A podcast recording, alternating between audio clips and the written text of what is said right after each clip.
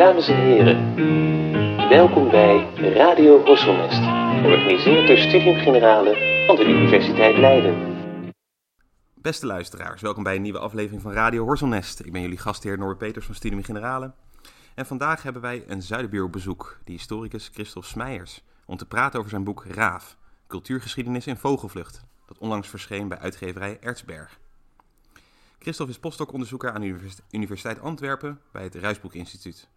Vorig jaar promoveerde hij op het proefschrift getiteld The Flash Made Word, Stigmata in the Public Sphere in Britain and Ireland, 1830s to 1930s.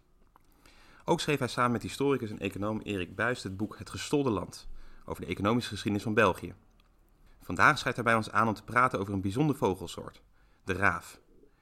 In het boek The Dragons of Eden speculeert de Amerikaanse kosmoloog Carl Sagan over een alternatieve geschiedenis van de aarde. Stel je eens voor dat de meteoor, die 65 miljoen jaar geleden een einde maakte aan de heerschappij van de dinosauriërs, destijds rakelings langs de aarde was gescheerd. Volgens Sagan zou hiermee de mogelijkheid zijn geschapen voor de evolutie van intelligente dinosauriërs.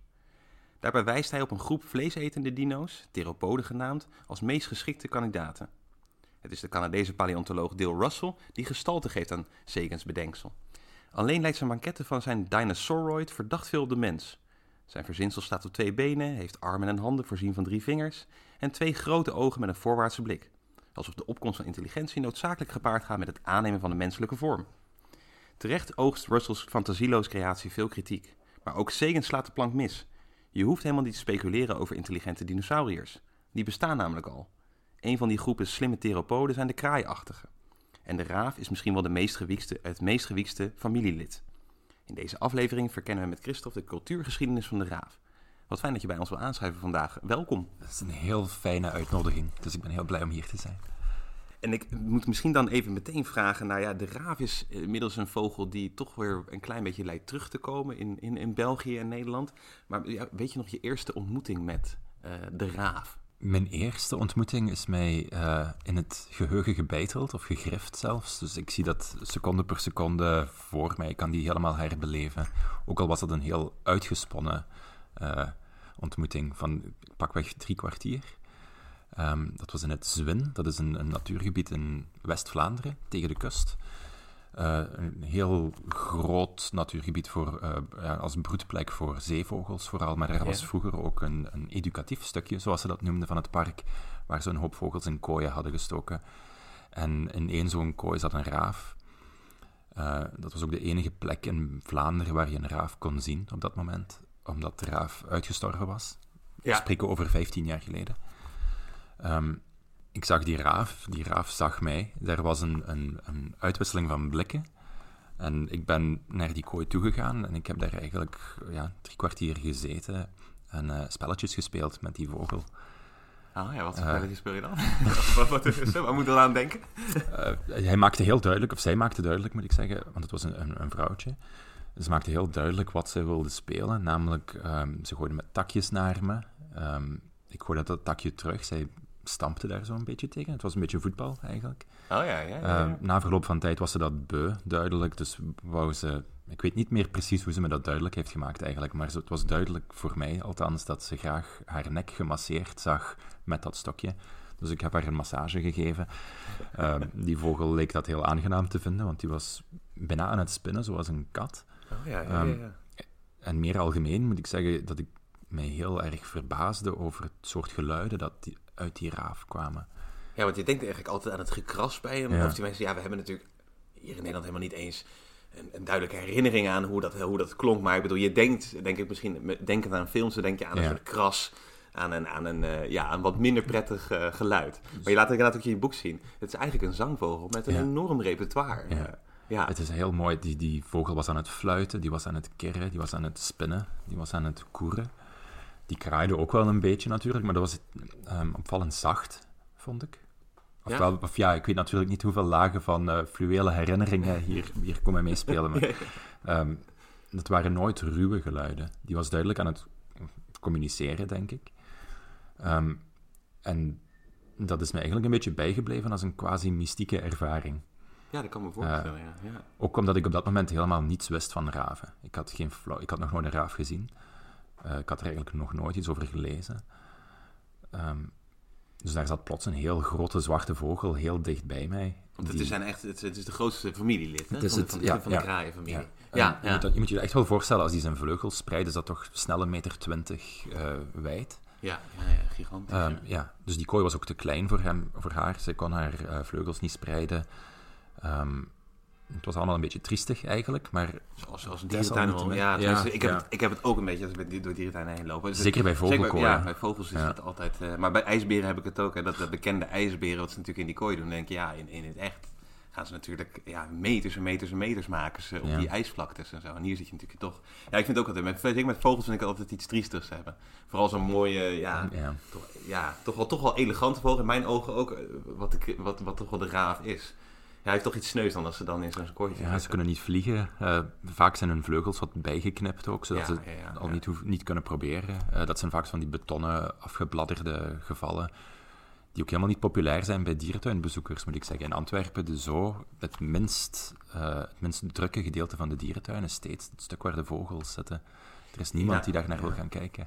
Ja, wat opmerkelijk is. Ja, ik, ik hoor altijd van dierentuinmede... Of ik heb een keer gehoord van dierentuinmedewerker... dat, dat de, de, de mensapen zijn, dat zijn altijd een magneet. Eh, en mensen vinden vooral ook kleine, natuurlijk eh, een beetje, beetje fluffy-achtige dieren. Die, die, die, die trekken een hoop bezoekers. Maar vooral de, de mensaap inderdaad. Daar zijn mensen altijd... eh, zijn- maar tegelijkertijd heb je eigenlijk dat... Het is best wel een intiem moment op een bepaalde manier. Terwijl je, je had geen angst of zo verder. Want het heeft ook een flinke snavel. Dus ik kan me ook wel voorstellen dat je denkt... Nou, Ja. die vingers niet te dicht bij die kooi houden. En die snavel is inderdaad wel een opvallend stuk van, van een ravenanatomie, moet ik zeggen. Want het leek me ook... Ik kan het me ook nog inbeelden, dat was een heel... Dat leek bijna een hamer, zou je kunnen zeggen. Het was heel krachtig, veel korter dan dat van een kraai bijvoorbeeld. oh ja. En, en eh, een sterke curve. Dus je zag dat er flink wat kracht achter gezet kon worden. Maar die was heel zachtjes, moet ik Ja. zeggen. Ja, die heeft mij heel, heel liefkozend beha- behandeld. Ja, en ik vind het ook altijd bijzonder dat...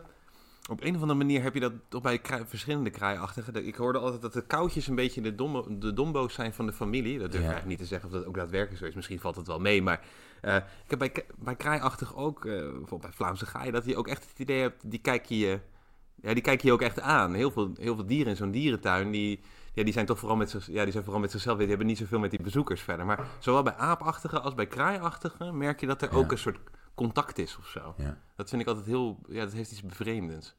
Er zijn veel ornithologen die, eh, die, die dan, als ze over kraaiachtigen schrijven, steeds zeggen, als ik, ik heb vaak in de ogen van een roodborstje proberen te kijken, of in de ogen van een kip, en daar kwam helemaal niets, eh, niets terug. Dat leek een, een eenrichtingsverkeer. Ja, Maar als je dan in de ogen van een kraai kijkt, dan is er plots communicatie. ja. En ja, dat is, dat is verleidelijk natuurlijk. Hè. Ik, heb, ik heb het ook gezien en plots ligt er een boek over een raaf. Dus ja, Ja, ja, ja, ja, ja zeker, zeker. En misschien is het ook nog wel goed om een klein beetje inderdaad, eh, ook voor de luisteraar, een beetje kennis te maken met die, met die kraaienfamilie. Want nou ja, de raaf is dan eigenlijk het grootste eh, familielid. Maar wat voor, wat, voor, ja, wat voor kraaiachtig hebben we hier nog meer? Want er zijn best wel veel kraaiachtigen waar we wel nou, bijna dagelijks of zo contact mee hebben. ja, de meeste stadskernen, de meeste dorpskernen zitten we eigenlijk vol kraaiachtigen. De meest dominante vogelfamilie, denk ik, bij de meeste mensen in hun buurt, zullen kraaiachtigen zijn. Dus je, ehm, vooral dan, wat- zoals je zegt, koudjes zijn op dit moment echt aan een optocht bezig, al een aantal jaren. Ook bij mij in de tuin. eh kauwen komen elke ochtend even langs. Eh, dus dat zijn, dat zijn ook de, de- ja, zoals je zegt, ik wil het misschien zelf niet in de mond nemen, maar niet de meest, eh, Niet de meest gewiekste. Niet de meest gewiekste. ja, ja, ja, ja. ja. maar ook wel de ja, bijzonder compacte vogeltjes, eh, Ja, die ja. steeds in grote getalen, eigenlijk als een soort van wolk neerdalen, komen spelen, maar vaak met heel veel geluid en dan weer weg, weg zijn. Ja. Ehm, kraaien zijn al een stuk groter. Ehm, vaak als mensen me zeggen, ik heb een raaf gezien, dan bedoelen ze, ik heb een kraai gezien. Omdat raven nog steeds heel erg zeldzaam zijn en die Ja. zich in de regel ook niet te dicht bij mensen vertonen. Ehm, En een kraai Kraaien is zijn- inderdaad een grotere, het is- vooral te herkennen omdat hij dus eigenlijk echt een flink grotere snavel ja, heeft. eh. langwerpig. Ja, Ehm, lang, ja. En ook ja, een stuk kleiner, maar nog steeds een zeer imposante vogel ook wel. Ja, ja, Ehm, ja. En bijzonder ja, nieuwsgierig. Helemaal niet schuchter ook. Eh, ik heb in mijn veranda, de laatste dagen is het heel erg warm geweest, dus ik heb de verandadeur naar mijn tuin open laten staan. En een paar dagen geleden wandelde er plots een kraai binnen. Oh, ja. Wat, wat ik heel aangenaam vond, maar de rest van het huishouden niet zo. Eh, dus daar heb ik de deur maar weer dicht gedaan. Maar het toont wel aan hoe, ehm, ja, die kraai deed alsof hij thuis was, meteen. Zij zijn dus blijkbaar niet zo schichtig als andere. Nee. Nee, nee, nee, nee. Nee, we hebben hier inderdaad, ik, ik heb altijd geleerd dat als er, als, er, als er veel oude bomen staan, dat dan ook de Vlaamse gaai op een gegeven moment zich meldt. Ja. Ehm, maar dat die wel echt afhankelijk is van wat, toch wel wat heesters en oude bomen, omdat die zich goed schuil kan houden of zo. Ja, die willen we graag privacy, ja. ja, Ehm, ja, ja, ja. Eksters daarentegen dan weer niet. Dat is, eh, is ook een, een, een, een lid van deze familie. Je zou kunnen zeggen misschien de meest in het oog springende ja, familielid. Ja, ja. Ook bijzonder luid, ook heel dominant. Ehm, ik merk dat in mijn buurt zangvogels veel last hebben van de aanwezigheid van eksters, omdat die toch vaak in de nesten gaan eh, ja, plunderen, eigenlijk. Ja, ja, ja, Eieren stelen. Ehm, dus eksters doen het heel goed. Kraaien doen het heel goed. Kauwen doen het heel goed. Vlaamse gaaien doen het voor een stuk ook wel goed. Eh, in Vlaanderen sowieso, in Nederland weet ik het eigenlijk niet zo.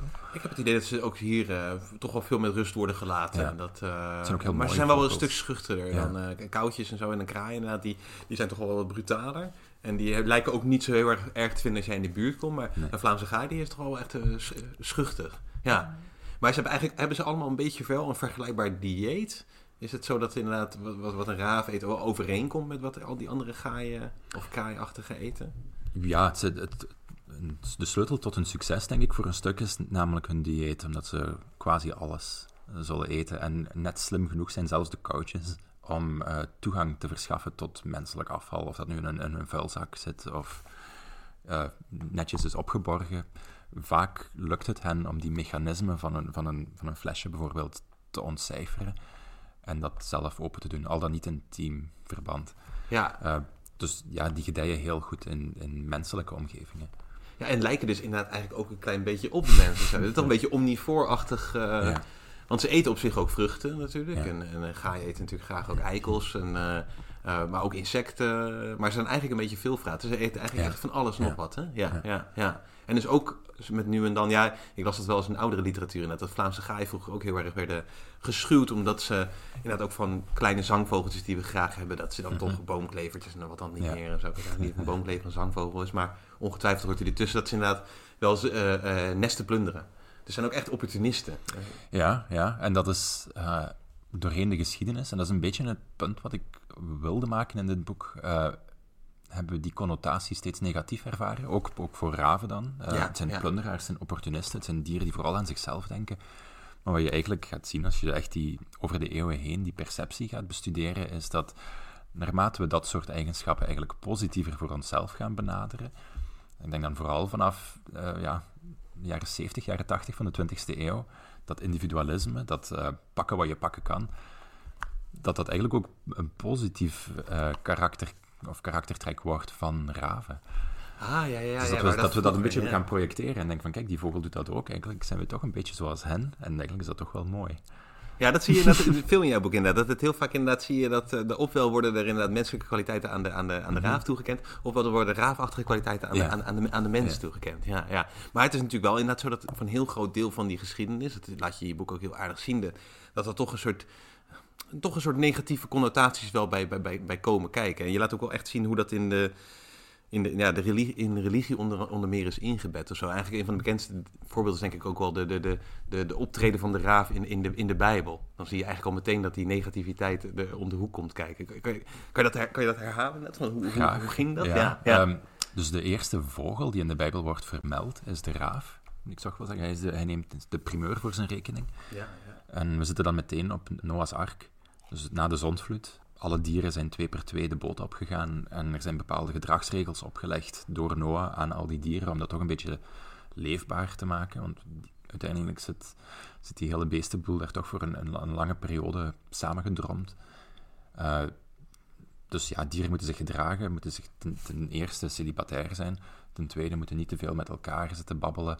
Het moet een beetje aangenaam blijven voor iedereen. En de raaf houdt zich daar helemaal niet aan. Dus die raaf begint meteen eh, ruzie, ruzie te stoken, eh, andere dieren tegen elkaar op te jutten. Maar ook wel af en toe een feestje te bouwen. Dus die, die wil er een beetje het, leven in de brouwerij ja, brengen. ja, ja. En dat eh, steekt Noah zozeer tegen dat hij, hem, dat hij de raaf, althans volgens sommige eerdere versies van de Bijbeltekst, verband van de ark. Dus die zegt, eh, trek uw plan, op deze boot ben je niet meer welkom. Oh, ja, Ga maar weg. ja. Ehm, ja. Die tekst heeft dan de uiteindelijke Bijbel niet gehaald, maar ik vond het wel mooi. Ehm, Ja, want inderdaad, volgens het officiële verhaal wordt hij op een gegeven moment natuurlijk inderdaad uit, Ja. uitgestuurd. Eh, als een van, de, een van de vogels die wordt uitgestuurd door, door No- Noah om, om, te, om te kijken, eh, kunnen we, kunnen we alweer ergens aanmeren? Ja, Is, is ja. het water alweer, eh, al- alweer terug de hemelse sluizen in? maar. Ja, ik vraag me wel af of hij dat ook niet deed, omdat hij de raaf een beetje beu was. Van, ga, ga toch maar eens kijken. Ga jij maar eens kijken. Ja, ja, ja. Van al die, van al die vogels, ga jij maar. Ga jij maar. Ja, ja, ja, precies. Ja, Die raaf kwam dus nooit meer terug.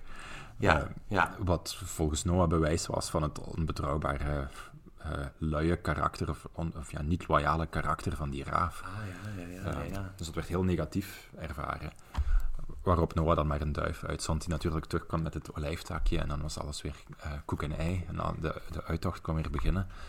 En je hebt dan ook heel mooi dat contrast tussen die zwarte raaf die aan zijn plicht verzaakt en die witte duif met het olijftakje, die ja, sowieso al een hele eh, rijke christelijke ja, iconografie heeft, zou je kunnen zeggen. Ja, ja. En ook, ook echt elkaar in, in die iconografie elkaars tegenpolen ook Ja, zijn. ja. Toch, toch, toch inderdaad de, de, de, ook de duif die weer meer samen met de vrede, terwijl de raaf toch wat meer oorlogsachtige, strijdachtige connotaties eh, heeft. Ja, dus ook in die zin. Maar, maar het is wel grappig, je noemt dan ook eigenlijk ja, vrij kort daarna noem je dat het zondvloedverhaal kent meerdere versies. Op een gegeven moment is er ook een versie gevonden in het, in het Gilgamesh-epos, een oud Sumerische tekst, als ik het goed Babylonische tekst. Babylonisch, Sumeri- ja. Babylonische tekst inderdaad. En daar komt dat zondvloedverhaal wederom terug. En ook wederom komt daar de raaf. Maar dan heeft hij een iets glansrijkere rol. Ja, ik vond dat eigenlijk wel mooi en eh, misschien ook wel meer gepast, eh, historisch gezien dan. Ja, Eh, dus Utnapishtim is, is een van de, ja, van, de, van de belangrijke figuren in dat epos, in dat Gilgamesh-epos, die ook met een vloed te maken krijgt, die ook een hoop dieren eh, op zijn boot zet. Eh, die boot strandt eigenlijk op een bergtop. En eh Utna- Utnapishtim ziet niet, of, of vindt geen beter alternatief dan raven te gaan uitsturen. En het feit dat de raaf evenmin terugkwam, net zoals bij Noah, interpreteert hij net heel positief.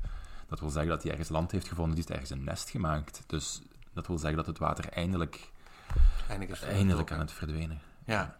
Nou, ik vind het opmerkelijk inderdaad dat je eigenlijk echt bijna een vergelijkbaar verhaal hebt. En dat, eh, dit, ditmaal zijn er dan een, een heel keur aan goden wat, wat, wat boos is op, op de mensheid en dan de, de, de, vloed brengt. Eh, maar dan inderdaad, dit, dit keer is het eigenlijk de raaf die dan, het- de wegblijven van de raaf is juist positief. Ja. En, en, en gek genoeg, in de scheepvaart, want dat, dat hou je op een gegeven moment ook aan ten aanzien van de, eh, de Noormannen, de Vikingen, is dat ook inderdaad niet onge- geheel ongebruikelijk om raven aan boord te hebben, om iets, nou ja, om te navigeren op zee. Eh, Ja, tot- ja. die ontdekking verbaasde me eigenlijk heel erg, omdat ik wel vaker het woord kraaiennest had gehoord voor een, voor Ja. een boot. Maar dat blijkt eigenlijk gewoon een ravennest te zijn en ook letterlijk, nou, dat mag in sommige gevallen letterlijk genomen worden. Dus Noormannen of Vikingen gingen op hun expedities of, of ehm, ja, ontdekkingstochten vaak met een raaf de zee in. Eh, dus die zat bovenin de mast. En die werden ook, eh, vaak waren het meerdere raven op een schip, die werden naarmate men dacht in de buurt van land te komen, uitgezonden om te gaan kijken waar er nu precies, Ja. eh, waar ze ja, konden aanmeren.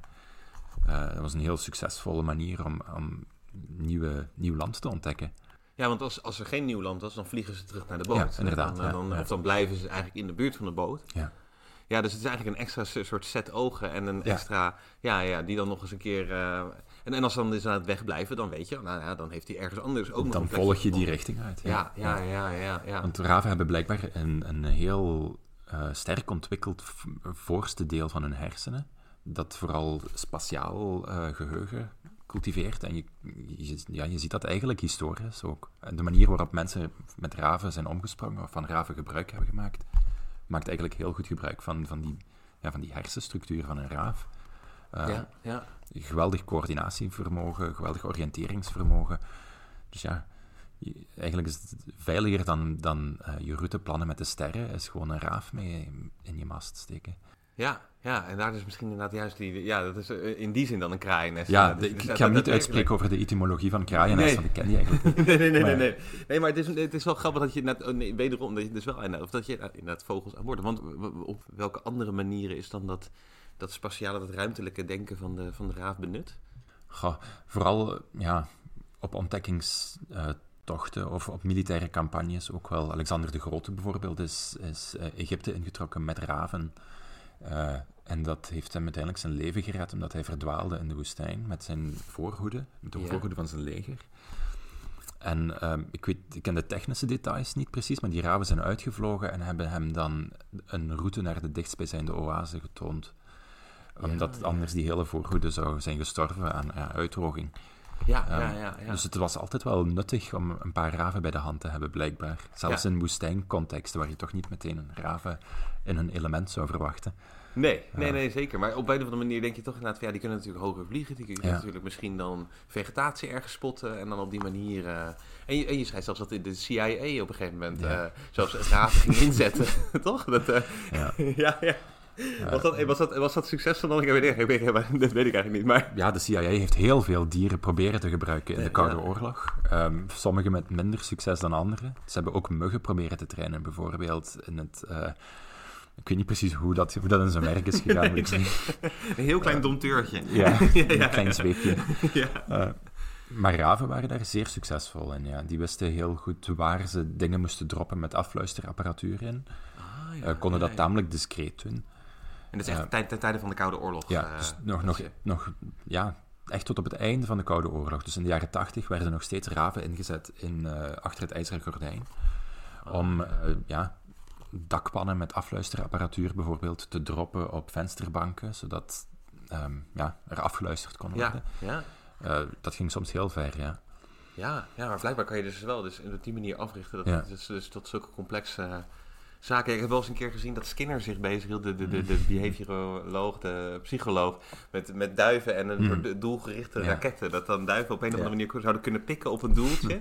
en dan zouden ze dan, eh, en volgens mij ook met vleermuizen hebben ze nog een keer geprobeerd. eh, ja, omdat vleermuizen gaan onder dakranden zitten. Dan hadden, was er een idee om dan dat die explosieven of zo konden vervoeren. Maar volgens mij zijn er ook heel veel dingen vaak misgegaan. ik met dit vrees soort, van eh, wel, dier- ja. Ik denk dat er veel eh, raven casualties zijn gevallen. Ja, geest van wel. Ja, ja, dat is toch weer iets minder.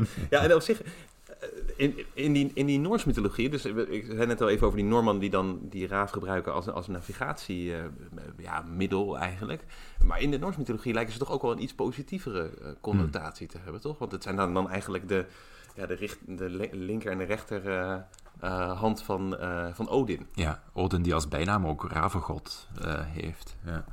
En opnieuw, dat is eigenlijk ook een beetje die, die, diezelfde functie, zou je kunnen zeggen. Hugin en Mugen, dus de, linker en, en rechter hand, die ehm, zijn eigenlijk een soort informatienetwerk. Zijn ook een beetje CIA-spionnen voor Odin, zou je kunnen zeggen. Die vliegen 's ochtends de hele wereld rond, komen s'avonds terug en fluisteren de god allerlei nieuwtjes in zijn oren, waar hij dringend eh, ja, aandacht aan zou moeten besteden. Ja, Dus ja, ja. eigenlijk zit dat zowel in die mythologie als in de, in de cultuurgeschiedenis. Hebben raven eigenlijk heel gelijkaardige of parallele functies opgenomen doorheen de geschiedenis. Ja, vaak inderdaad die boodschapperrol Ja. en zo. Hè? Ja, ja, ja. En natuurlijk ook, die, die- ook daar weer het verband met het, met het slagveld ongetwijfeld. Ja, Ja, ja. ja, waar ze natuurlijk eh, graag zitten om een, om een graadje of een eh, ja, lichaamsdeel mee te pikken. Ja, Dus wel, ja. Ja, ja, ja, precies. Ja. Maar je hebt Ja. ook wel voorbe- ik heb voorbeelden gevonden van eh, pogingen om raven op die manier in te zetten die heel falikant aflopen. Ehm, en ook in de 20e eeuw nog bijvoorbeeld. Eh, de, de Duitse Nationale Post heeft in, vlak voor de Eerste Wereldoorlog nog geprobeerd om raven te trainen als een soort van postduif, of postraaf zou je kunnen zeggen. Eh, dat is heel fout afgelopen. Die vogels waren veel te nieuwsgierig. Die hebben de post zitten open doen. Eh, die post kwam quasi nooit aan op de, op de bestemming. Had het zelf al even doorgelezen, Het was al geopend, dus eh, ja, post, postgeheim bestond helemaal niet. Eh, dat hebben ze helemaal moeten afblazen. Dat is heel, heel fout afgelopen. Ja, dan kan je het misschien toch, inderdaad- dan heb je toch misschien iets meer aan een, aan een, eh, aan een duif. Die wel goed kan navigeren, maar die Ja, toch niet ja. eh, zo nieuwsgierig is dat hij ook, eh, bijvoorbeeld ook de correspondentie tot zich, tot, tot zich neemt, of lijkt te nemen. ja, ja, ja, precies. Maar inderdaad wel die boodschapperfunctie die het heeft. Hè? Ja, dan. Want in, ook in de Griekse mythologie zien we ook dat de raaf eigenlijk in een soort boodschapperfunctie eh, Klopt, ja. eh, zit. Maar dan weer eigenlijk een, ja, toch een wat negatievere, toch? Met, dat is, ik, het verhaal even niet zo... Eh, ja, de- dus ehm, een beetje parallel met Odin, zou je kunnen zeggen, is Apollo ook iemand, of die, die Griekse oppergod Apollo, iemand geweest die zich graag omringde met raven. Dus op de Olympus, helemaal bovenaan, woont Apollo. En die heeft een schare, of wat we in, in het Nederlands een vriendelijkheid aan raven noemen. Dus een, een, een groep- Vriendelijkheid. Een vriendelijkheid. Ja, Mooi, ja. hè? Ja, dat is prachtig. Ja. Je hebt vaak van die Ja. groepsnamen, toch? Ja, ja, ja. ja, ja Past ook helemaal niet met zijn, met reputatie. Maar goed. ja, ja. Een vriendelijkheid raar. Ja, ja, ja. En dat zijn stralend witte beesten op dat moment in die Griekse mythologie. Eh, ja, veel nobeler dan de adelaar ook. Dus echt een van de oppervogels in de hiërarchie van nobele, nobele gev- gevleugelde beesten zit de raaf helemaal bovenaan op de, op de Olympus. Ja, ja. En die wordt ook uitgezonden om nieuwtjes te vergaren. Niet in het minst eh, nieuwtjes over Apollo's scharen aan minnaressen. Die hij eh, in een... Apollo is een tamelijk paranoïde godheid die zijn minnaressen ervan verdenkt hem te bedriegen. Vaak bleek dat ook terecht. Ehm, en er was op dat moment eh, een, een van zijn minnaressen waarvan hij tamelijk zeker wist dat het aan het gebeuren was. Dus hij zendt een raaf uit om te gaan spioneren. Die raaf doet dat heel plichtsbewust. Ziet inderdaad, vergaart bewijsmateriaal, vliegt meteen terug die Olympus op om, om, om Apollo daarvan op de hoogte te stellen. En Apollo schiet in een vlaag van woede een bliksemschicht af recht op, die, op de boodschapper. Eh, die witte raaf wordt zwart, die zijn keel wordt geschroeid, eh, zodat hij alleen maar kan kraaien ja, die vogel zijn reputatie is om zeep, eigenlijk. En sindsdien is die ook verbannen van de Olympus. Ehm, dus don't shoot the messenger. Ik- ja, dat is dus helaas wel gebeurd. Ja, ja. ja, en daar wordt dus inderdaad iets gezegd eigenlijk over hoe die zijn uiteindelijke gedaante, of zijn aardse gedaante eigenlijk heeft gekregen. Ja. Ja, ja, ja Dus want die- dat albinisme, want dat, die witte raaf, dat is ook wel iets, een, een, een troop die meermaals terugkomt, toch? Dat, want het is ook Ja. iets wat echt daadwerkelijk kan optreden. Ja. Eh, je hebt inderdaad sommige raven die aan een soort, ja, is het een soort albinisme? Is het te vergelijkbaar met? Het is vergelijkbaar. Het, is, het heet leukisme, geloof ik. Het, is een, ja, het is een melanine-afwijking. Dus het is vergelijkbaar met albinisme. Ja. Ja, het, ja. Zijn, het zijn niet de stralend witte Olympusraven wel. Als je, als je zo'n een raaf met leukisme ziet, die zijn vaak... Beetje vleeskleurig. Het is, toch? het is een beetje... Ja, ja.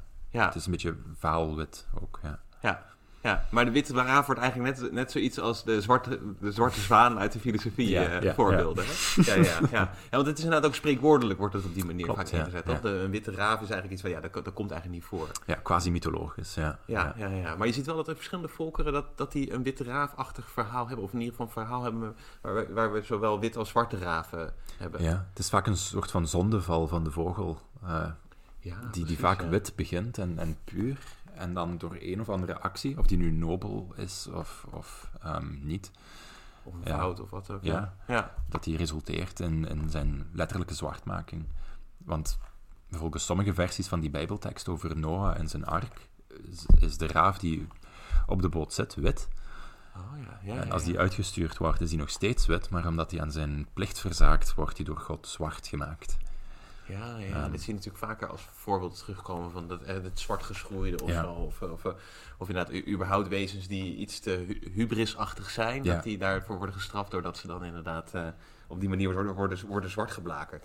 Terwijl, terwijl dus dan heb je, dus dat is, je hebt eigenlijk een beetje die boodschapperfunctie, of de boodschapperconnotatie vaak bij die raaf, maar tegelijkertijd ook wel iets van een listige, sluwe Hmm. Co- connotatie bij de raaf, toch? Die, die zowel positief als negatief kan uitvallen. Want je haalt een aantal verhalen aan uit eh, eh, Noord-Amerika, van Ja. de inheemse volkeren daar, waar je eigenlijk ziet dat die raaf een, een zeer belangrijke, eigenlijk een hele voorname eh, rol speelt, met, met, met weinig negatieve connotaties. Als ik het goed heb eh, Klopt, gezien. ja. ja. Eh, sowieso is de, de Amerikaanse, of de Noord-Amerikaanse mythologische raaf een heel ander beest dan, dan wat we hier in Europa en in het Midden-Oosten gewoon zijn. Ehm, je hebt eh, bepaalde stammen waar de raaf echt de, de schepper van de kosmos is. Dus de, echt de, de oppergodheid eigenlijk. Ehm, en dat is een heel ander soort oppergod dan, dan die uit de Bijbel, omdat het toch rekening houdt met het karakter van de raaf. Zoals je zegt, dat listige, dat sluwe, dat ehm, een bepaald gevoel voor humor ook. Ja, dat ja. zit allemaal in die godheid besloten. Dus, eh, en men kan hem dat ook niet kwalijk nemen, is dan de achterliggende gedachte. Je moet, maar, ja, je moet hem dankbaar zijn dat hij de kosmos heeft geschapen. Ja, Als ja. hij af en toe een practical joke met u wil uit, met, met u wil, ja, Als jij plots het slachtoffer bent van een van zijn practical jokes, moet je dat er weer bij nemen. Ja, ja, ja. Ik, ik heb een keer zelf, toen ik, toen ik bezig, bezig was met, met inheemse stammen aan, in de, aan de noordwestkust van de, van de Verenigde Staten, daar, daar wonen de verschillende, eh, de, de en de Ja. Haida, die hebben ook inderdaad verhalen dat die dan op een gegeven moment de mensen plaagt door de mug, uit, eh, door Ja. de mug te scheppen of zo. hè. Dat, dat, soort, eh, dat, soort, dat soort practical jokes inderdaad Ja. eh, aan, het uit, aan het uithalen is en zo. Maar daar zie je inderdaad heel vaak inderdaad dat het inderdaad een soort schepperachtige eh, god is, die, die eigenlijk inderdaad als oppergod eh, dienst doet. Ja. Ja, ja. En vaak eh, in conflict staat met de coyote, bijvoorbeeld. Dat, Oh, dat ja. ook een soort godheid is die, die even listig is en even sluw en even, een even ziek gevoel voor humor heeft bij momenten. Wat ik na het schrijven van dit boek ook besefte, dat het een beetje eh, frappant was in ieder geval, dat je die wisselwerking hebt tussen coyote en raaf in Noord-Amerika. ja. En bij ons in zoveel fabels raaf en vos bij elkaar ziet Zeker. zitten. Omdat ja. Het zijn steeds aan- dieren die aan elkaar gewaagd zijn qua sluwheid en die elkaar proberen af te troeven. Ja. Vaak met mensen als, als eh, ja, collateral damage. Ja, ja, ja, ja, ja, ja. Dat, dat was een heel mooie parallel die ik helaas pas bedacht eh, na Ja, is grappig, schrijven want het is natuurlijk al qua fauna. Inderdaad heb je, de raaf heeft gewoon een flink verspreidingsgebied. Dus dat vind je in verschillende continenten. Dus ergens dat het contact met mensen is niet vreemd. En dat die dus in verhalen verweven raakt, is dat ook niet vreemd. Maar het is grappig dat je eenzelfde soort oppositie krijgt... waarin de coyote eigenlijk inderdaad de rol van de vos... Want ja, je, je noemt al ja, zo- in zo'n dierfabel... bijvoorbeeld het bekende fabel van La Fontaine... heb je natuurlijk inderdaad de, de, de, de raaf, de vos en de kaas, toch? Eh, Ja. En dan is het inderdaad ook dat ze tegen elkaar opbieden... of daar niet echt tegen elkaar opbieden... maar de ene wil vooral de ijdelheid van de andere eh, misbruiken om die, aan, die kaas, eh, aan die kaas te komen. Ja, maar dat is eigenlijk al een heel oud verhaal, toch? Dat, Ja. bedoel, La Fontaine schrijft dat op, maar er zijn al veel oudere eh Ja. ravenfabels eh, eh, met die eenzelfde soort listigheid. eh, eh, Ja, La Fontaine heeft vaak de, de, de mosterd gehaald bij Aesopus, de, de, de Griekse fabelverteller. Ja, eh, ja. Die ook al een versie had over, eh, met vos, raaf en kaas. En waar, en ja, zoals steeds, de raaf het onderspit moet delven omwille van zijn ijdelheid. Ja. ja, ja. Maar hij heeft als goed is ook, heeft hij ook een fabel waarin de raaf toch wel vrij eh gewiekst ook blijkt. Toch? Als goed is, er staat iets bij van een verhaal waarin hij op een droge dag of wat ook of zo, er is een soort droogte en hij zoekt water en dan vindt hij een amfoor met een laag water erin waar hij niet bij kan. Ja, dat, dat klopt, ja. Ja, en dan doet hij volgens mij doet hij van die stenen doet hij dan in dat water. En dat doet hij eigenlijk een soort, en dan een soort Archimedes stijgt dat water. En eh, nou, ik vond het vooral erg leuk omdat daar eens een keer in een laboratorium hebben ornithologen eigenlijk dat gereconstrueerd. Volgens mij hadden ze daar een wipsnavel Ja. eh, kraai voor, is dat volgens mij. In ieder geval een, kra een kraaiachtige. Die inderdaad ook, ja, onder één natuurlijk wel in de experimentele op opstelling. eh, niet dat hij dat van, van nature ook meteen op dat idee zou komen. Maar ze hadden dat wel herhaald. En, en dat, dat, dat, Ja. lijken ze inderdaad goed te snappen. Ja, ja, Ja, ik moet ook wel toegeven, een, een, een aanzienlijk deel van de research voor dit boek is eigenlijk gewoon op YouTube gebeurd, waar je inderdaad heel veel van dat soort filmpjes Ja, hebt ja. van kraaiachtigen en raven die dat soort eh, ja, slimmigheden laten zien. Ja. Ja, want het is heel aardig dat eigenlijk ornithologen tegenwoordig inderdaad ook echt laten zien dat dat ook niet alleen maar een, ehm, een bedenksel is van verschillende culturen om, om een soort listigheid te, te, te verbinden aan eh, de raaf. Maar dat er ook echt wel gronden zijn Ja. om, om raven als, als zeer, zeer, zeer, eh, intelligent eh, te beschouwen. Ja, ik zei natuurlijk al een beetje in de inleiding. Dat, dat vind ik zo aardig, dat je eigenlijk sinds de jaren, jaren 70, jaren 80 zie je dat dat steeds meer in opkomst is. Hè? Dat men toch wel begint Ja. te onderkennen van die kraaiachtigen zijn eigenlijk uitzonderlijk slimme vogels. Ja. Bij papa papegaai heb je het natuurlijk ook wel. Maar ja, ja. Ja, maar corvideeën halen meestal de meeste tro- trofeeën, dat rijmt een beetje, eh, halen de meeste trofeeën binnen, ja. ja. Ja. Dus ze zijn vaak de beste in het, het ontcijferen van puzzels of in het, het, ehm, het oplossen van raadsels. Ja, Eh, je merkt ook dat die, die experimenten steeds ingewikkelder worden en complexer aan het worden zijn. Dat ze soms ook willen aantonen dat raven of kraaiachtige in team dingen kunnen oplossen die, die ze alleen niet kunnen. En daar zijn ook vaak ja, ja, daar zijn wetenschappelijke doorbraken gebeurd om te laten zien dat die vogels heel, sociaal, eh, heel veel sociale intelligentie hebben ook. Dus het gaat dan niet alleen om, om ja, het kunnen oplossen van iets, maar ook het, het ehm, doorgronden van de skills van je medevogel. Ja, ja, ja, Ehm, precies. Ja, dat is, wel heel, dat is En eigenlijk dat, wel heel aardig. clasht ook een beetje met die historische beeldvorming van de raaf, die toch echt als een Einzelganger werd afgebeeld vaak, met die, in die gotische traditie, van een vogel die in een dode boom zit te, te krassen. Een beetje naargeestig, een beetje grimmig. Ja, ja. Eh, dat, dat beeld heb- hebben mensen nog steeds vaak van raven. En ook een beetje die galg, de, de, de, Ja. een soort galgenvogel, hè? die Ja. dus inderdaad ook echt een connotatie heeft met, met de dood. Ongetwijfeld Ja. ook omdat hij zo gitzwart verenkleed heeft, maar Ja. ook omdat hij toch ook wel, ja, toch ook soms wel een aaseter eh, ja, hij zat is. ook echt effectief vaak eh, in de buurt van een galg of in de buurt van een kerkhof. Ja. Ja, en, en wat wel aardig is, is dat volgens mij net als met die eh, coyote en, en, en de raaf, en dan hier meer de raaf en, en de vos, dat ze ook alle twee een soort ja, grensbewoners zijn tussen twee werelden, Mhm. lijkt het. Ja. Ja. Tussen leven en dood dan Ja. vooral, ja. ja. Dat is heel frappant ook. Dat dat in zoveel, in zoveel verschillende culturen over heel de wereld eh, steeds de raaf is die de, de gestorven mens helpt met de overtocht naar het dodenrijk. Of helpt of belemmert, net, het hangt er vanaf een beetje. Ja, sommige culturen is hij ook echt wel zo wat de, de, de rechter, die een beetje Oh, die gaat oh, die ook echt oordelen. het oordeel- ja, ja. ook het oordeel over de gestorvenen eh, veld. Oh ja, ja, ja. ja.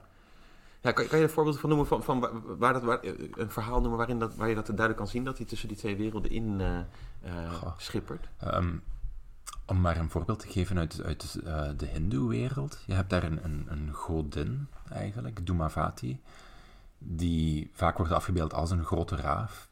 En die ehm, zou verschijnen aan mensen op het moment van hun dood, van hun sterven. En een soort van eindbalans opmaakt. En zegt, ik zal je helpen om aan de andere kant te geraken. En ehm, tot, tot op de dag van vandaag zijn er vaak mensen die Dumavati of een, een levens- of mensgrote raaf eh, zien rondwaren op kerkhoven. En dat is, ja, dat is een traditie die... ehm, Als soort geestverschijning dan. Ja, Ja, ja. ja, ja. opmerkelijk, ja. Ja, ja. dat is heel, en dat is iets wat, wat eh, ja, over veel culturen in verschillende vormen voorkomt. Hier in, in de Lage Landen bijvoorbeeld heb je vaak archeologische sites waar in ehm, mensengraven vaak ravenbotten of ravensnavels of ravenklauwen voorkomen. Er Ja, bestaat geen archeologische consensus over, maar het is, het is in ieder geval frappant dat, zeker vergeleken met andere dieren, zelfs andere vogels, dat je vaak ehm, in de lage landen dan, en ook wel in het zuiden van Engeland, heel, eh, hele ravenskeletten mee begraven vindt. Ja, want ze worden dan weer vaak niet. Want er is ook met Ja, regelmaat een ja. taboe eigenlijk om raven te eten. Volgens mij is dat ook wel heel begrijpelijk, omdat een aas... Een, eh, als ik het goed Mhm. heb hoor, ecologisch gezien moet je altijd oppassen met roofdieren of aaseters. Omdat die daar...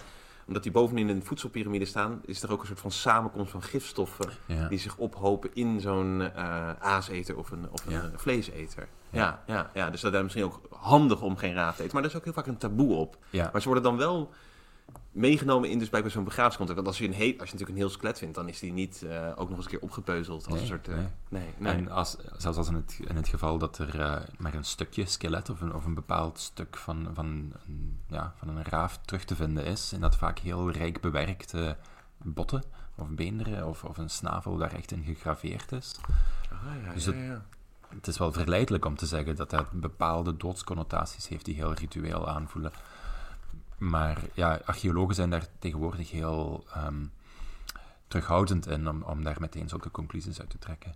ja. Maar ik, ja, ik ben geen archeoloog, dus ik la- laat me daar ook niet zo door tegenhouden. Nee, nee, nee, nee, nee, nee, dus ik kan ik me ga gewoon zeggen dat dat een Nee, ik, heb ook ritueel al, ge- ik heb ook eens ge- gelezen inderdaad dat oude galgenvelden ook wel eens in de, in de buurt Ja. stonden van waar ook grafheuvels eh, stonden. Dus dat, de, ja, de, de, de plek waar dan, dat het niet, misschien niet alleen maar die morbide connotatie heeft van dat hij ook een lijkenpikker is, maar ook dat inderdaad mogelijk inderdaad, eh, ja, dat toch een connotatie is tussen raaf en, en grafrituelen of grafheuvel, ja, situaties, ja. Want het is ook heel vaak toch wel ook een vogel die een soort iets, ja, toch een beetje ook een soort van voorspellende, Ja, eh, omineuze berichtgever is, toch? Ja, ja. ook, al, ook al millennia, eh, millennia lang eigenlijk.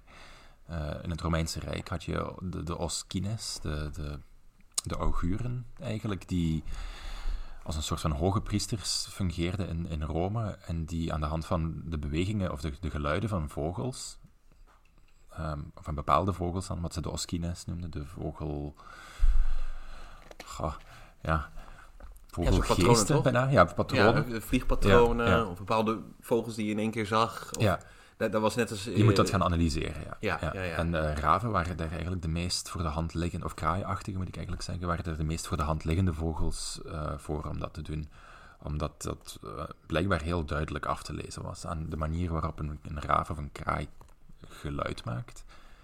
Kan je meteen zeggen, niet alleen dat er iemand gaat sterven, maar soms ook wie, wie er zal sterven. Of wie er een, een, een ongeluk zal hebben, wie er bestolen zal worden wat er gestolen zal worden. Het gaat soms Oh, heel ja. gedetailleerd. Ja, heel gedetailleerd Ja, inderdaad. en die, ja. die auguren waren ook echt wel ehm, ja, voorname experts.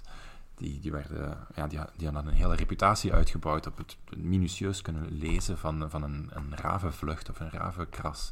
Ja, ja, ja, ja, ja, want dit zijn natuurlijk heel van die, ja, of, nou schapenlevers zijn dit waar ze naar kijken, Ja, of, ja. of eh, natuurlijk astrologie, maar ook, ook dus blijkbaar inderdaad die, die, die ravenvlucht. Ja. ik vond sowieso, je, je schrijft op een gegeven moment ook dat Plinius de Oudere die dan schrijft over een, eh, een raaf die op het Forum Romanum ook eh, graag eh, gehuisvest was. En die ook echt werd, daar toch ook weer een beetje als werd vereerd zelfs. Ja, eigenlijk wel. Ja. Het was een beetje de lokale volksheld.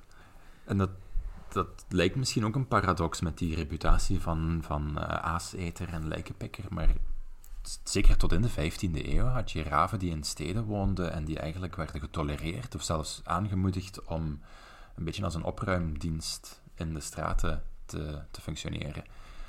Dus die ruimden het afval op. Eigenlijk, daar komt het op neer. Dus in een stad was, was een raaf eigenlijk een tamelijk positief dier om, om aanwezig te hebben. Ja, ja. En in Rome was dat ook zo. En die raaf had dan ook nog het bijkomende voordeel dat hij een paar woorden kon spreken. Ah, ja, ja. Dus eh, Ja, dat was een geliefde gast. Hè. De kin- kinderen hadden hem graag. ehm, de meeste mensen hadden hem graag. De meeste. Die deed 's ochtends een, een toertje door de buurt en die begroette iedereen. Dus ja, dat maakte deel uit van mensen hun, hun dagelijkse routine. Eh, Tot die raaf aan zijn einde kwam. Ja. Eh, brutaal vermoord door de schoenmaker. Ja, ja, ja, dat zei je inderdaad. Maar die schoenmaker die komt er ook net. Dat had hij niet moeten doen. eh. Dat, is, eh, dat is ook niet goed met hem afgelopen, toch? Na, na, nadien, na deze, ja, ja, dit treffen. Maar ik vond het inderdaad zo opmerkelijk dat je daar juist inderdaad die hele positieve connotatie... Ik weet het een beetje van...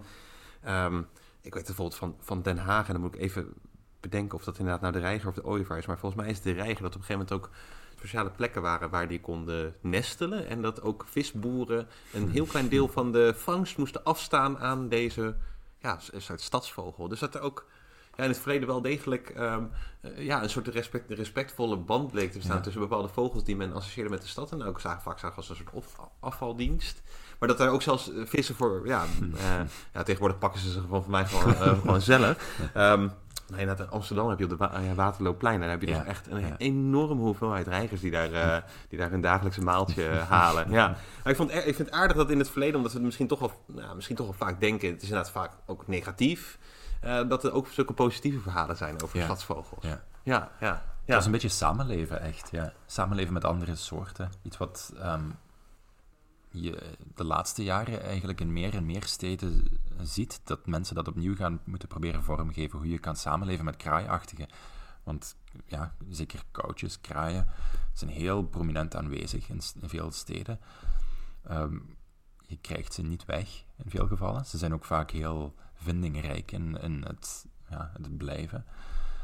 Eh, hoe leef je met een andere soort samen? En dat zijn, dat zijn een soort van ehm, ja, denkoefeningen die momenteel vaak gemaakt worden. Ik weet dat er in Japan bijvoorbeeld een, een, een stad is waar een fabriekseigenaar eh, de hele tijd wordt afgetroefd, of niet, niet, niet fysiek wordt afgetroefd, maar eh, intellectueel wordt afgetroefd door een, door een groep kraaien die eh, ja, de lunchtafels onveilig maken en die ook dingen zitten te stelen uit, uit die fabriek. En die man heeft jarenlang geprobeerd om met allerlei maatregelen die dieren te slim af te zijn. Dat lukt niet, dat is eigenlijk een wapenwetloop. Ja, ja, ja, ja. Eh, die heeft het opgegeven. Die is nu een manier aan het zoeken om, om gewoon in vrede te kunnen samenleven, harmonieus te kunnen samenleven met al die vogels.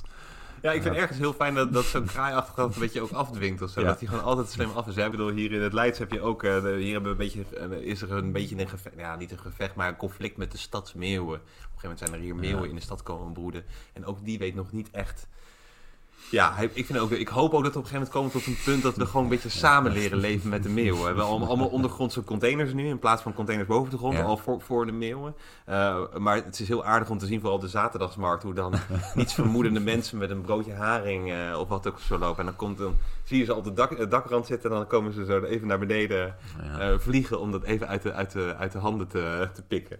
Ja, wat ik eigenlijk altijd ook wel, ja, ik weet niet, ergens vind ik juist interactie ook erg, erg aardig. Dus eh, ja, Ja, ja. weet je, in Zolang van... het niet met jezelf gebeurt natuurlijk. Ja, ja, zolang het... Ja. Ja, het is me een keer wel overkomen. Ja, ik bedoel, het is even schrikken, maar het is eigenlijk ook wel erg... Want die meeuwen, vooral de mantelmeeuwen, zijn ook vrij, vrij groot. Ja, met zo'n raven dus ook. Dat, is, dat ziet er toch wel vrij enorm uit. Eh, ja, ja, dat is, toch- dat is toch even, even schrikken. En ik vind ook wel aardig dat, dat talige aspect. Want je zei al inderdaad, die, die, die Forum Romanum-raaf, die, eh, die, die kende ook een paar woorden. En dat zie je eigenlijk... Daar zijn ze ook echt toe in staat, toch? Ze zijn zulke Ja. goede imitators dat ze dus ook af en toe woorden kunnen, kunnen imiteren. Ja, en dat is voor een stuk ook, denk ik, de reden waarom sommige raven meer getolereerd werden dan andere in, in menselijke omgevingen. Omdat ze toch een beetje zo een, een trucje hadden om zich populair te maken. Ja, ja. Ehm, je ziet dat ook in de, in de 19e eeuw bijvoorbeeld. Op het moment dat in onze kontrijen de raven eigenlijk volledig zijn uitgemoord. Dus je zal nooit nog in de 19e eeuw een bos ingaan en een raaf te zien krijgen, want die beesten zijn heel efficiënt eigenlijk. Ja, op grote schaal inderdaad. Op Dus grote- een soort, ja. zijn ze echt ja, echt vogelvrij verklaard. En, eh, ja, eh, vogelvrij, ja. Ja, ja. En, en, en zijn ze allemaal bejaagd. eh, Ja, eh, ja, ja. Ja, want we hebben af en toe wel zo'n, zo- toch wel misschien wat romantisch beeld van het verleden. Dat, eh, toen, maar we waren heel onvriendelijk tegen al dit, dit soort kraaiachtige. Mm. En met name de raven moesten toch wel vaak ook eh, ontgelden. Ja, voor een stuk omwille van al die negatieve connotaties, maar ook gewoon omdat er, zeker vanaf de ja, midden van de, van de 15e eeuw en zeker vanaf de 16e eeuw, over dieren werd gedacht in termen van nut en onnut. Ja, ja. En ehm, raven, zeker in een periode van eh, expansieve landbouw, Mhm. waren bijzonder onnuttige beesten. Omdat die graag in de tarwevelden speelden, eh, hele oogsten zogezegd zouden doen, ont- doen eh, mislukken. Eh, niet, niet alleen dat, maar ook met, met kippenkuikens aan de haal gingen, soms hele lammeren uit, eh, ja, vermoorden. Dus ehm, En fruitpikken ook. eh, Fruitpikken, dat ja. hoor je vandaag Ja, de dag nog. ja, ik heb een keer een jager ja. gesproken. En eh, kraaienjacht is nog steeds iets wat, wat op fruitgaarders nog wel eh, Ja. Waar nog wel een certificaat of ja, hoe noem je dat, toe- toestemming voor wordt gegeven. Omdat, omdat ze inderdaad Ja. fruit pikken. ja, Eh, ja, ja, ze ja. zijn er ook heel goed in. Ja. Ja, daar zijn ze, ja, ja, ja, daar zijn ze ook heel goed in. Ja, precies. Maar dit gaf eigenlijk een soort van vrijbrief. Ja, wat, je, wat je net zegt, wordt heel erg in, opgedeeld inderdaad in de nuttige en de, de, de niet nuttige vogels, onnutte, eh, onnutte vogels. En, de, en de raaf is helaas altijd een beetje onder die categorie onnutte vogel Ja. gevallen. Of in ieder geval in veel gevallen. Zelfs vergeleken met zijn, met zijn neven, dus met, met kraaien en eksters, zit de raaf er vaak nog een, is vaak nog een categorie erger. Ja. Ik weet eigenlijk niet goed waarom die steeds zo wordt, wordt eh, uitge, uitge, uitgeselecteerd, eigenlijk als het summum van, van het kwaad. Ja. Ehm, maar hij is het meest intensief bejaagd. Ja. Of je ziet ook misschien de connotatie met, waar, die je ook met, met regelmaat aanhaalt. Ook die connotatie met wildernis. Mhm. dat de raaf toch ook altijd wordt gezien als een bewoner van eh, de wildernis. En dat is de wolf of wat ook of zo. En natuurlijk, wat er met wolven gebeurde was natuurlijk ook... Daar kreeg je ook eh, voor wolvenkoppen kreeg je, kreeg je aardig eh, prijsgeld. Maar dat gold dus blijkbaar ook voor ravenkoppen. Als Ja, je die wist in te leveren. Je, kon, je had echt lokale celebrities die als ravenjagers door het leven gingen, die daar ook veel geld voor kregen. Je kon gewoon met een zak vol kraaien en ravenhoofden opduiken bij het lokale bestuur en je kreeg dan uitbetaald eigenlijk. Ja, Dus ja. je had, ja, je had mensen die echt gevraagd werden door lokale besturen om alsjeblieft eens naar bij ons te komen, want we hebben echt wel veel raven in onze bossen.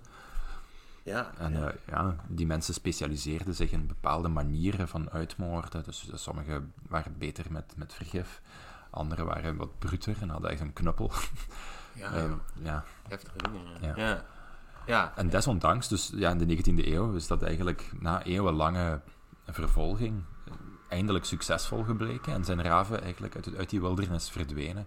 Ja, ja, en überhaupt inderdaad. Want ja, in Ja. Nederland en Vlaanderen tot voor kort geen, Nee. geen raaf te beginnen. Jij hebt altijd inderdaad het verhaal dat eh, de raaf in de Tower van Londen, dat die al eh, heel lang eh daar zou verblijven. Ik, ik volg op Twitter ook de Raven Master, Ja, dat ja. jij ongetwijfeld ook. Dat is Ja. een heel populaire man. Is een hele populaire man. Maar je laat die boek toch ook wel doorschemeren. Ja, dat is misschien toch wat meer romantiek dan traditie of zo. Om, om raven te houden bij de Tower. Misschien zelfs eerder toeristische doeleinden dan, dan romantiek. Ehm, maar die Ravenmaster doet daar vrolijk aan mee natuurlijk. Hij heeft ook een boek geschreven, niet zo heel lang geleden. Een heel mooi boek trouwens, vol anekdotes over hoe moeilijk het leven als Ravenmaster is in Londen. Om toch maar die, het zijn er maar zeven, geloof ik, zeven raven op dit moment. Oh. Om die toch een beetje bij de les te houden. Omdat die vogels zo ja, nieuwsgierig zijn en, en graag spelletjes spelen. En het is natuurlijk de taak van de Ravenmaster om op het einde van de dag, als de tower terug dicht gaat voor toeristen, die raven terug uh, te pakken te krijgen. Ja, en, ja, ja. pff, ja, die verstoppen zich, die spelen verstoppertje met hem. En Ja. Er is een hele lange klaagzang van die man, eh, dat hij ergens in het midden van de winter, het is al donker, het regent, Ja, ja. aan de buitenkant van een toren, of van een van de torens van de tower, na- naar omhoog moet klimmen, omdat hij denkt dat een van de raven zich verstopt heeft op, op een drempeltje. En dat hij, ja, het is zijn plicht om toch zeker te moeten zijn dat hij daar zit. ja. Dus ja, het is een vreselijk... eh, ja, ja, ja. het, het Ja, werkt- dat zal niet eenvoudig zijn. Nee. Maar het is juist eigenlijk die speelse aard, eh, wat, ze, ja, wat misschien ook die gelijkenis, gelijkenis met menselijke kwaliteiten zo snel, zo snel oproept of zo. Juist omdat ze zo opportunistisch, opportunistisch gedrag vertonen, maar dus ook in dat, het- dat heel erg dat speelse, eigenlijk een soort kleine homo ludens zijn, alleen dan met, met veren of zo. Hè? Ja.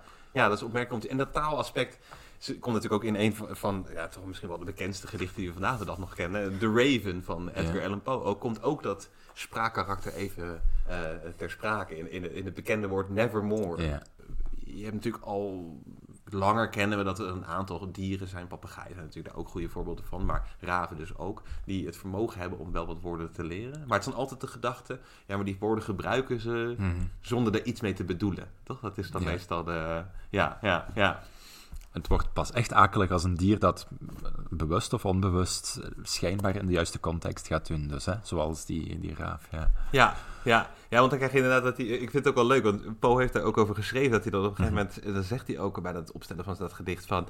dat hij een beetje te twijfelen tussen, tussen vogels. En dat hij dus inderdaad een beetje uitkwam bij de papegaai of bij de raaf. Maar de papegaai was niet... Ja, dat is natuurlijk niet melancholisch, eh, eh, niet gothic genoeg... Ja. om in dat... eh, ja, ja, want dan heb je zo'n hele kleurige aria. Daar zit, dat is- dat is misschien toch wat minder...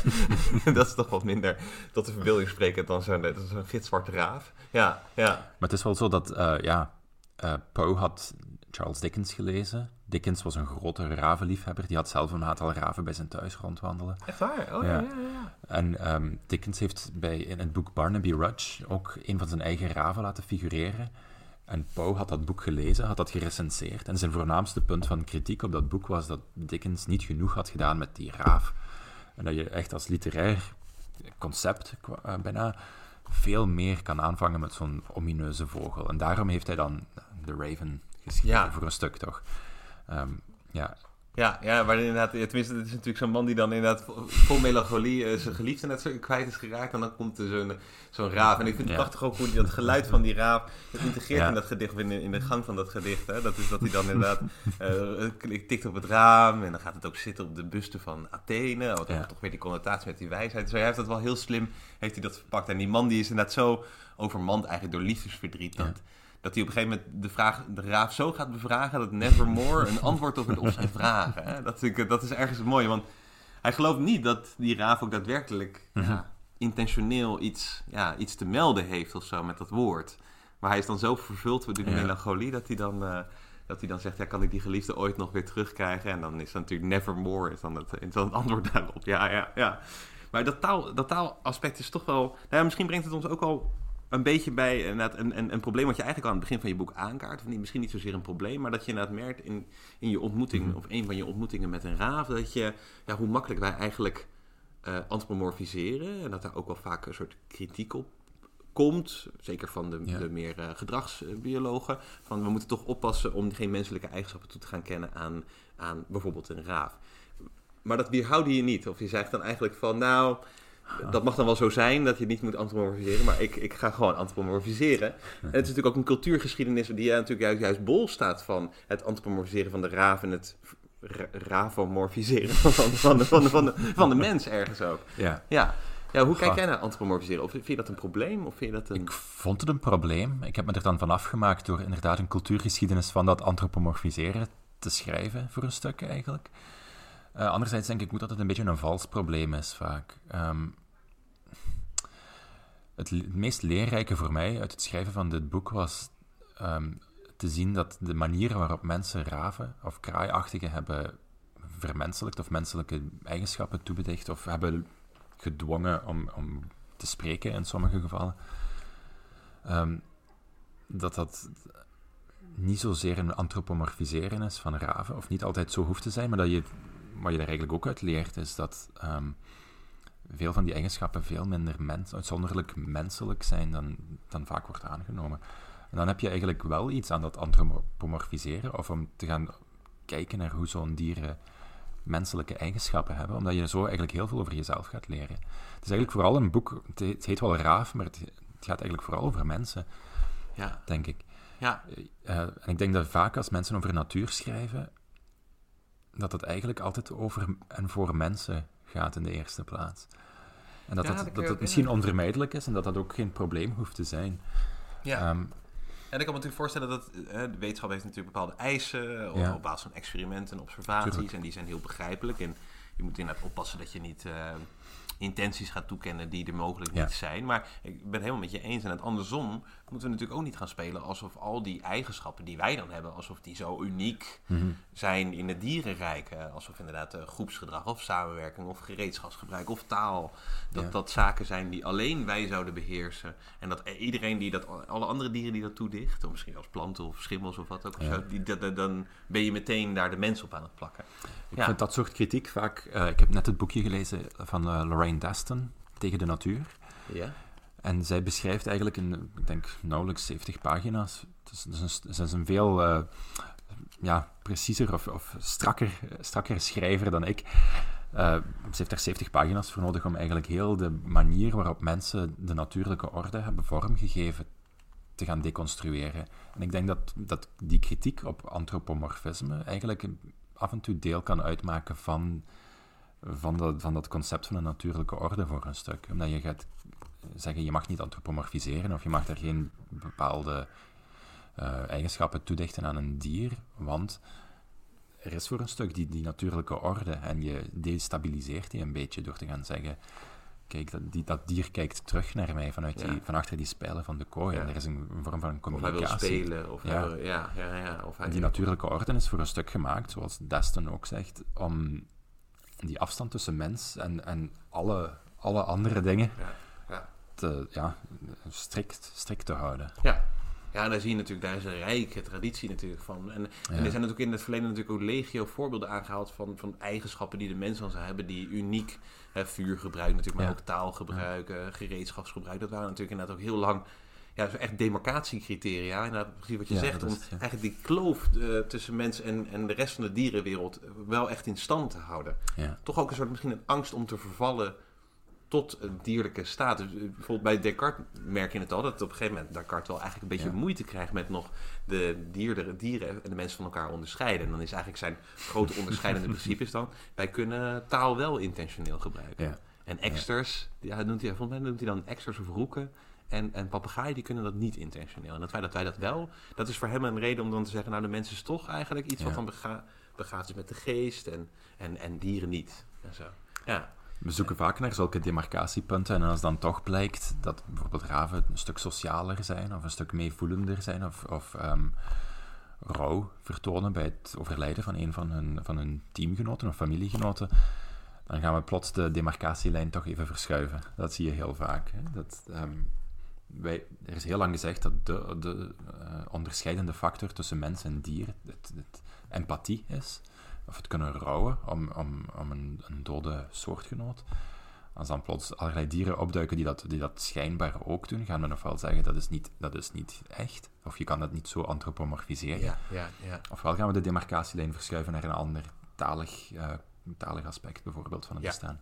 Ja, dat nemen we weer iets dus, anders. Ja. Terwijl jij laat zien dat eigenlijk, ook, ook wederom in de Bijbel, volgens mij noem je de Bijbel en de Talmud en de Koran zelfs, dat uh, God een raaf uitstuurt om aan Kain te leren om mensen te begraven. Ik heb net een, een, hele discussie gehad met Thomas Lacoeur, en dat is een, uh, een cultuurhistoricus van de dood.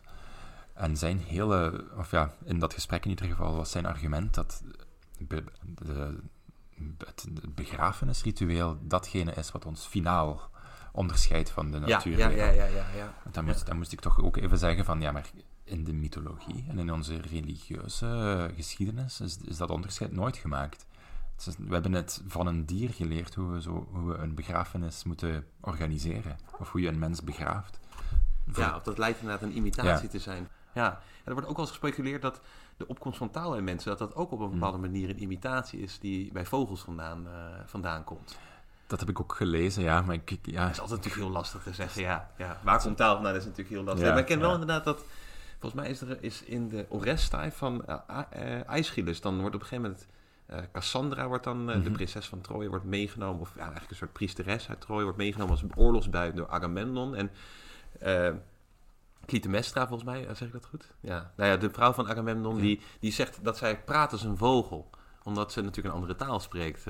dus dat, dat wij inderdaad ook taal toch ook uh, ja, toch een beetje herkennen als het mhm. gekwink, mm zeker een andere taal die we dus niet verstaan, toch een soort van kwinkeleer van vogels. Ja. Vond ik ergens ook een interessante notie of zo. Hè? Dat het misschien toch ook inderdaad, ja, eigenlijk die band tussen, tussen vogel en mens uh, veel inniger lijkt. Uh. Ja. ja. Ja, het, is heel toevallig. Ik heb gisteren een paar middeleeuwse raadselboeken doorbladerd. En daarin kwamen inderdaad vaak, um, werd sprake inderdaad heel vaak vergeleken met specifieke vogels. Vooral uit de kraaienfamilie. Eh, de gaai bijvoorbeeld. Um, dat, dat, ja, dat, dat, deed me er plots aan denken, eigenlijk, dat, dat je echt die vergelijkingen heel vaak tegenkomt. Met de manier waarop... Ik kom uit Belgisch Limburg, ik praat tamelijk melodisch, volgens de, de overige Vlamingen. Dat wordt ook vaak vergeleken met, met uh, vogelgezang. Ah, ja, ja. Wat ik, altijd, dat ik maar als een compliment zal beschouwen. Ja, maar, uh, ik weet niet of dat altijd zo bedoeld is, maar... Nee, maar toch het muzikale, het talige. En, en, omdat je natuurlijk bij, ja, je ziet natuurlijk beide, zie je natuurlijk op een bepaalde manier ook vertegenwoordigd bij, bij, bij, vogels. Ik weet ook nog uit de archeologie dat ook de vroegste fluiten bijvoorbeeld werden ook gemaakt van, volgens mij ook van botten van, van vogels. Omdat die natuurlijk al hol zijn. Uh, dus dan kan je daar makkelijk met een paar gaatjes erin heb je, binnen no heb je ook een, uh, ook een soort van fluit. ja, ja, ja. er was trouwens een heel mooi uh, raadseltje in, in dat boek van, um, dus, dus het is een, een raadsel in dichtvorm. En um, het antwoord was de gaai. Het is dus een dier dat zichzelf voorstelt en zegt: uh, Ik kan dit geluid nadoen, ik kan dat geluid nadoen, ik kan praten zoals een, zoals een, uh, zoals een koe, ik kan een hond nadoen enzovoort. Um, en daar zie je ook heel duidelijk die grens tussen antropomorfisme en, ja. en, en, en, ja, of je ziet die demarcatielijnen heel erg vervagen, want uiteindelijk dat is een, een gedicht, we gaan ervan uitgeschreven door een mens, neem ik aan. Maar het is wel, uh, het wordt geproclameerd door een, door een vogel. Ja. Dus je ziet, zelfs als dat, een, zelfs als, um, als dat talige, dat menstalige erin zit, is het nog steeds een vogel die het zogezegd declameert. En het, ik vond dat eigenlijk heel, uh, het is een, een, grijze zone, zou je kunnen zeggen, tussen demarcatielijnen. Ja, daarmee ver, ja, het vervaagt eigenlijk. Ja, juist omdat, denk ik, inderdaad die, die, die, dat die mimese, de imitatie omdat we dat zo overeen... Ja, dat, dat komt zo overeen, lijkt het wel. Hè? Dat die kraaiachtigen heel erg goed zijn in imitatie. En, en, uh, en, dat, en dat wij dat natuurlijk op onze eigen beurt ook, uh, ook zijn. Ja. Ja, ja. ja. dus daarin zie je inderdaad... Ja, ik vind het juist wel mooi. Want ik krijg inderdaad juist dat... dat ja, we gaan eigenlijk steeds meer op elkaar lijken. Ja, de, ongetwijfeld zijn er verschillen. Zijn er ook in legio op te noemen. uh, maar dat is eigenlijk wel mooi. Dat juist die cultuurgeschiedenis op een bepaalde manier ook uh, laat zien... dat dat antropomorfiseren eigenlijk helemaal niet zo'n of dat het eigenlijk heel natuurlijk komt bij ons. Dat we dat doen. Dat we dat, uh, en dat het misschien ook wel echt terecht is dat we dat op een bepaalde manier doen. Omdat we ook gewoon op elkaar gelijken. Of ja, ik denk het wel, ja. Maar natuurlijk als cultuurhistoricus is dat voor een stuk gemakkelijk praten. En ik ja, zou dat als gedragsbioloog waarschijnlijk nooit doen. Ja, nee, gedragsbioloog zijn wat, op is het wat strenger in de leer. ja. ja, Maar niettemin hebben die toch ook... Er zijn toch ook steeds meer boeken die toch ook laten zien... ook echt proefondervindelijk laten zien... dat gezichtsherkenning bij, bij kraaiachtige voorkomt. Dus ik vond, ik vond ook dat gereedschapsgebruik fantastisch. Van die Caledonische kraaien die dan uh, op allerlei manieren met een soort haakjes en takjes en zo dingen weten te... En inderdaad, dat speelse en dat slimme. Uh, ja, ja, ja, ja. Ja, dat is juist... Ja, het is ook wel iets, ja, ik vind het juist ook wel mooi. Dus ik hoop ook eigenlijk echt wel dat die raaf rap terug gaat komen. Uh, ik uh, help het u hopen. Ja, ja. maar, maar je, je, vertelde wel inderdaad dat, dat dus in Nederland de raaf al uh, even goed als in Vlaanderen al gesignaleerd is. Ik was even onder de veronderstelling dat hij, dat hij er niet, dat hij er, dat hij er niet zou In Nederland is hij uitgezet, dus dat is echt deel van een, van een, een programma ah, dat, zich, dat begonnen is in de, op de Veluwe. En dat denk ik tamelijk succesvol aan het worden is. Er zit ondertussen de derde of de vierde generatie te broeden. Ah, ja. In Vlaanderen is dat eigenlijk een beetje ja, vanzelf gebeurt. Dus die, die dieren zijn, denk ik, vooral uit Duitsland en uit Wallonië, dus het Franstalige gedeelte van België, zijn, ehm, ja, daar zijn raven wel nooit met succes uitgemoord. Natuurlijk toch in de meer beboste delen. Ja, dat ja, die langzaamaan ja. weer aan het, aan, het, ja, aan het verspreiden zijn over Vlaanderen ook. Want waar zitten ze nu in, in Vlaanderen? Ze, ze, zijn, dus ze komen uit, vanuit het oosten, dus eh, Limburg, en zitten nu voorbij Antwerpen. Dus eh, ze nemen eigenlijk provincie per provincie in richting de kust. Oh ja, dus dat is het echt gewoon opmars Ja. eh, zit daarin. Ja. Maar men zegt ook wel dat het licht voor een stuk, of die opmars wordt ge- ge- gesteund of geruggesteund door de opmars van de wolf. Dus dat die dieren een beetje in elkaars schaduw eh, terug aan het opkomen zijn in Vlaanderen. Ah ja, ja, ja, ja. Zijn er ook wel, zijn er ook inderdaad eh, misschien anekdotes over dat die twee dieren ook inderdaad daadwerkelijk een soort symbiotische relatie af en toe hebben in het beeld? Of? Symbiotisch misschien niet. Ik denk dat het vooral, ehm, ja, toch niet, in, toch niet in de lage landen. Ehm, maar je wel vaak ziet is dat eh, een, een wolvenkadaver, of een wolvenprooi in ieder geval, dat, dat, dat, eh, dat daar snel raven op afkomen. Ja. Dat raven dat snel gezien hebben. Maar in plaatsen zoals eh, Canada heb je die symbiose voor een stuk wel. En die zet zich ook al verder bij andere diersoorten. Dus ehm, raven, en wol- raven volgen wolven, of wolven volgen raven. Het is niet altijd even duidelijk. Mhm. Ehm, dat is op een punt gekomen waar rendieren in Canada, van het moment dat ze een raaf horen krassen, weten dat er wolven op, op, op, op komst zijn en, en zich gaan eh, ja, uit de voeten maken. Ja, op een of andere manier. Ja. dat is toch op een of andere manier. Ja, wat ik, dat bedoelde ik inderdaad. Dat je een soort Ja. van samenwerking krijgt ehm, in En- de jacht. Men zegt ook, er zijn in ieder geval eh, mensen die zeggen dat wolven zich ook in Canada dan echt laten leiden door raven. Dus dat, dat eigenlijk opnieuw raven een soort van informanten worden, Ja, maar nu ja, voor wolven. ja. En een navigerende Ja, functie eigenlijk ja. hebben.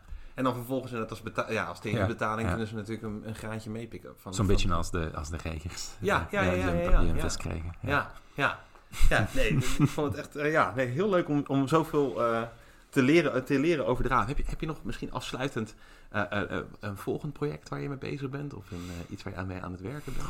De uitgever wil graag een, een boek over wolven. Ah, ja, ja, ja. Misschien ja, ligt dat zo voor de hand.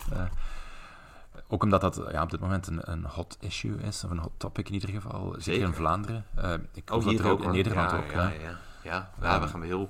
Ja, dat is raar. Je ziet ook is heel daar... politiek beladen ook. Heel politiek beladen, ja, ja, ja. Ja, en ook inderdaad, daar zie je ook weer, de, de- toch ook meer in de agrarische sector zie je natuurlijk wel Mhm. heel erg die nut-onnut. En, en het, we hebben natuurlijk liever geen wolven, Ja. want die, die eten mogelijk iets van de kudde.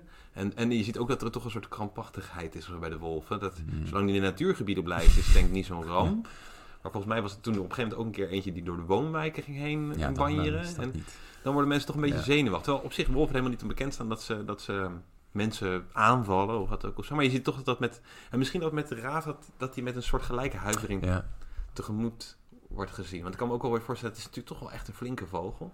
eh, om te zien. En niet een ongevaarlijke vogel ook als je er echt Mm. mee in conflict raakt. Ik weet niet of dat... Zijn er eigenlijk dingen van bekend dat mensen wel eens... Goh. Dat er wel eens ruzies uitbreken? Nou ja, ik Japanse fabrieken niet helemaal niet proberen.